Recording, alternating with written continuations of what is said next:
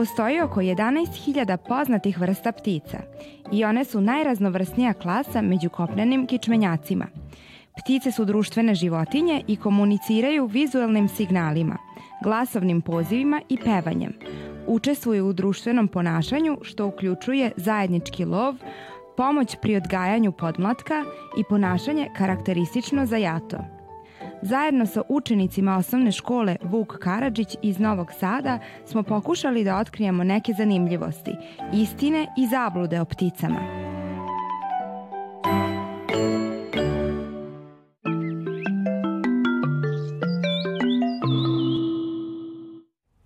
Ptice u vreme gnezđenja nose jaja i tako osiguravaju opstanak vrste. Kada se izlegu, mladunci mnogih vrsta ptica nisu zaštićeni papirjem. Slepi su i gluvi su i roditelji hrane i poje.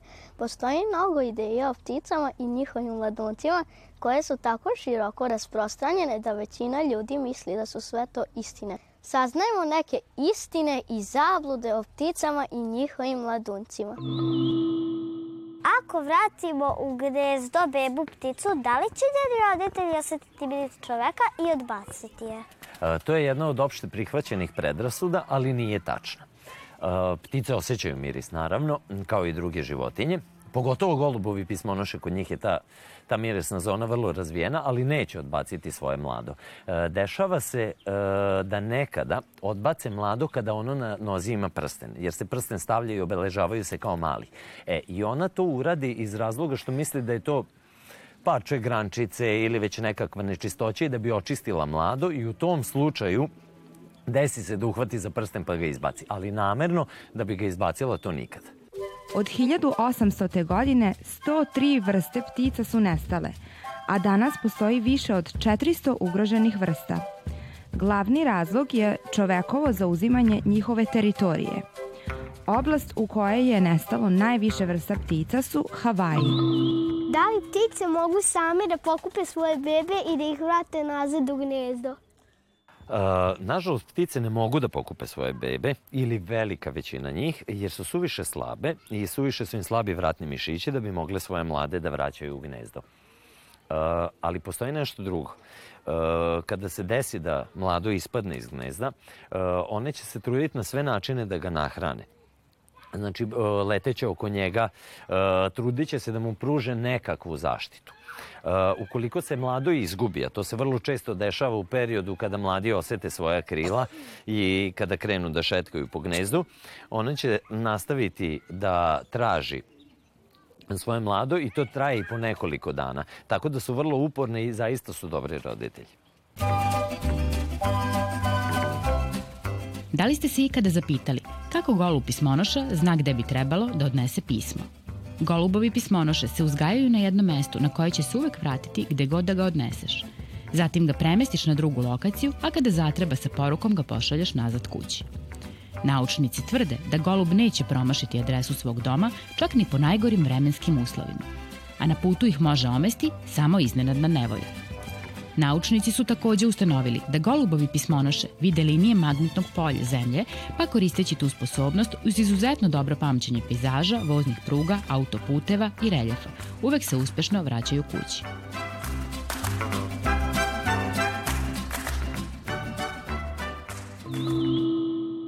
Da li majke ptice izbacuju svoje mladunce iz gnezda kada su bolesni ili kada je vreme da odu? Majke ptica nikada ne izbacuju svoju decu iz gnezda, oni volu svoju decu kao što i tvoji roditelji vole tebe i ostali roditelji vole svoju decu. To je jedna od zabluda, a za izbacivanje kada treba da odu, ne, to je nagonski regulisano i mlade ptice kada im perje poraste i kada oni porastu, polako ovaj, izlaze iz gnezda na susedne grane ovaj, neće odmah poleteti, nego će otići na susednu granu, pa će se vratiti u gnezdo, pa će otići na malo dalje, pa će se vratiti u gnezdo i jednog dana se opuste i počnu da lete. Znači, to je proces postupno koji se dešava da bi oni imali kondicije da bi mogli da lete proces osamostaljivanja. Najveći raspon krila među pticama ima ptica albatros, kojoj taj raspon između jednog i drugog raširenog krila iznosi prosečno 3 metra – a u nekim izuzetnim slučajevima dostiže i 4 metra. Sa ovako oblikovanim krilima za let, lutajući albatros može bez napora da se dugo održava u vazduhu i leti. On je gospodar vazdušnih prostranstava, mora i okeana, južno od ekvatora. Tu se on s nebeskih visina obrušava na svoj omiljeni plen, ribe i sipe. Da li mlade ptice vole da jedu hleb i mleko? Mlade ptice ne volu da jedu hleb i mleko. Hleb i mleko, mleko prvenstveno jedu uh, sisari. A ptice nisu sisari. Znači, uh, ptice zavisi od vrste. Volu da jedu razna semena, većina ptica. Ali ima ptice koje se hrane i crvićima i mesom. Tako da ovaj, mleko sigurno ne jedu i mleko im samo može štetiti. Ovaj, njihov probavni trakt ne podnosi mleko. Nema enzime za varenje mleka. Tako da je moj odgovor na to pitanje negativan. Ne, mleko ni pošto.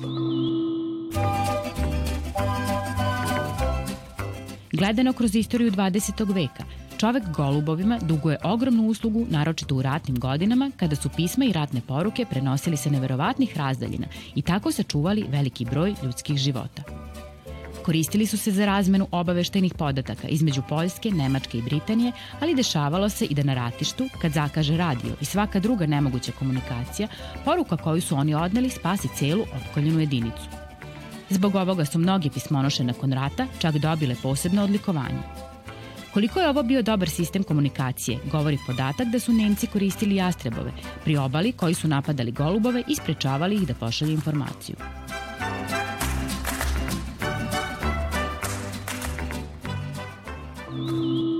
Da li ptice i njihove bebe tačno znaju šta treba, a šta ne treba da jedu i nikada neće progutati ništa što je loše za njih?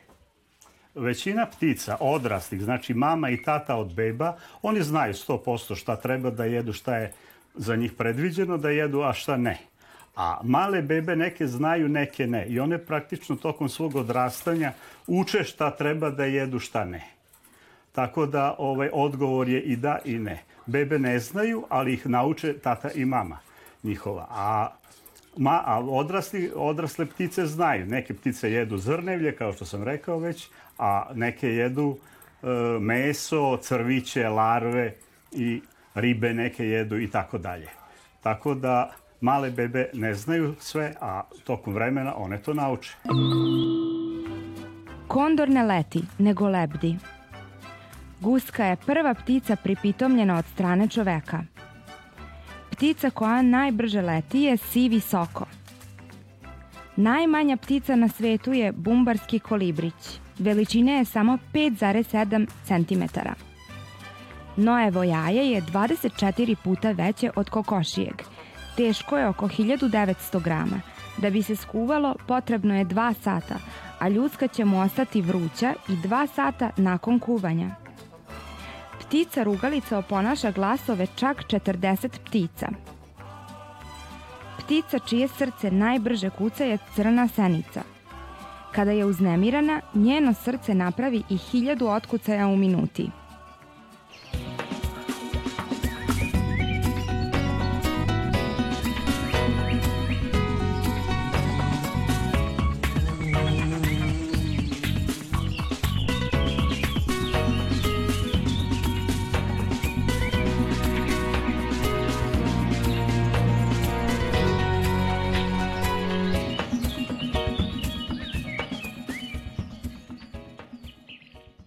Dragi drugari, dobrodošli u školski zeleni pres. I ovoga puta mi u školski zeleni novinari smo vam pripremili poučne i zanimljive priloge.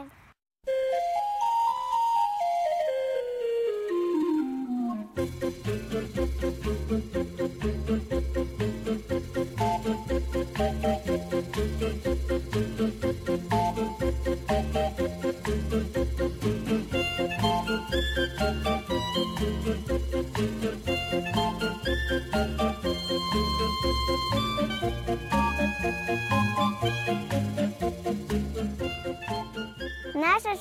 zelena novinarka Milica Beli, učenica sedmog razreda iz osnovne škole, doktor Boško Vrebalo iz Melenaca nas izveštava o manifestaciji Eko drug, koja se održava u njenoj školi od 2016. godine. U njoj učestvuju učenici i nastavnici iz njene škole kao i iz drugih škola. Ove godine je učestvovalo 60 učenika i 20 nastavnika iz devet škola koji su predstavljali eko aktivnosti svoje škole. Ove godine su imali i radionicu Čepom do osmeha u kojoj su slikali čepovima. Učenici su u utiscima napisali kako im je bilo divno, su stekli nove drugare i da su uživali u prirodi. A čak i jedan učenik napisao Ovo je najbolja avantura, jedva čekam sledeće godine. Da li ste čuli da na dalekim Filipinima po novom zakonu svako tokom školovanja mora da posadi najmanje 10 stabala kako bi završio osnovnu, srednju školu i fakultet? Ako se zakon bude poštovao, to će osigurati da se najmanje godišnje posadi 175 miliona novih stabala na Filipinima. Bravo za Filipince! Naši drugari iz vrtića Stonogića i Sremske Mitrovice su se uključili u akciju za čistije i zelenije škole i vrtiće u Vojvodini. U blizini njihovog vrtića se nalazi bara, koja je prirodno stanište mnogih biljaka i životinja. Mali ekolozi su na obalu bare i u parku u blizini atletskog stadiona postavili ekološke poruke i kante za smeće u nadi da će probuditi svest onima koji priljaju okolinu.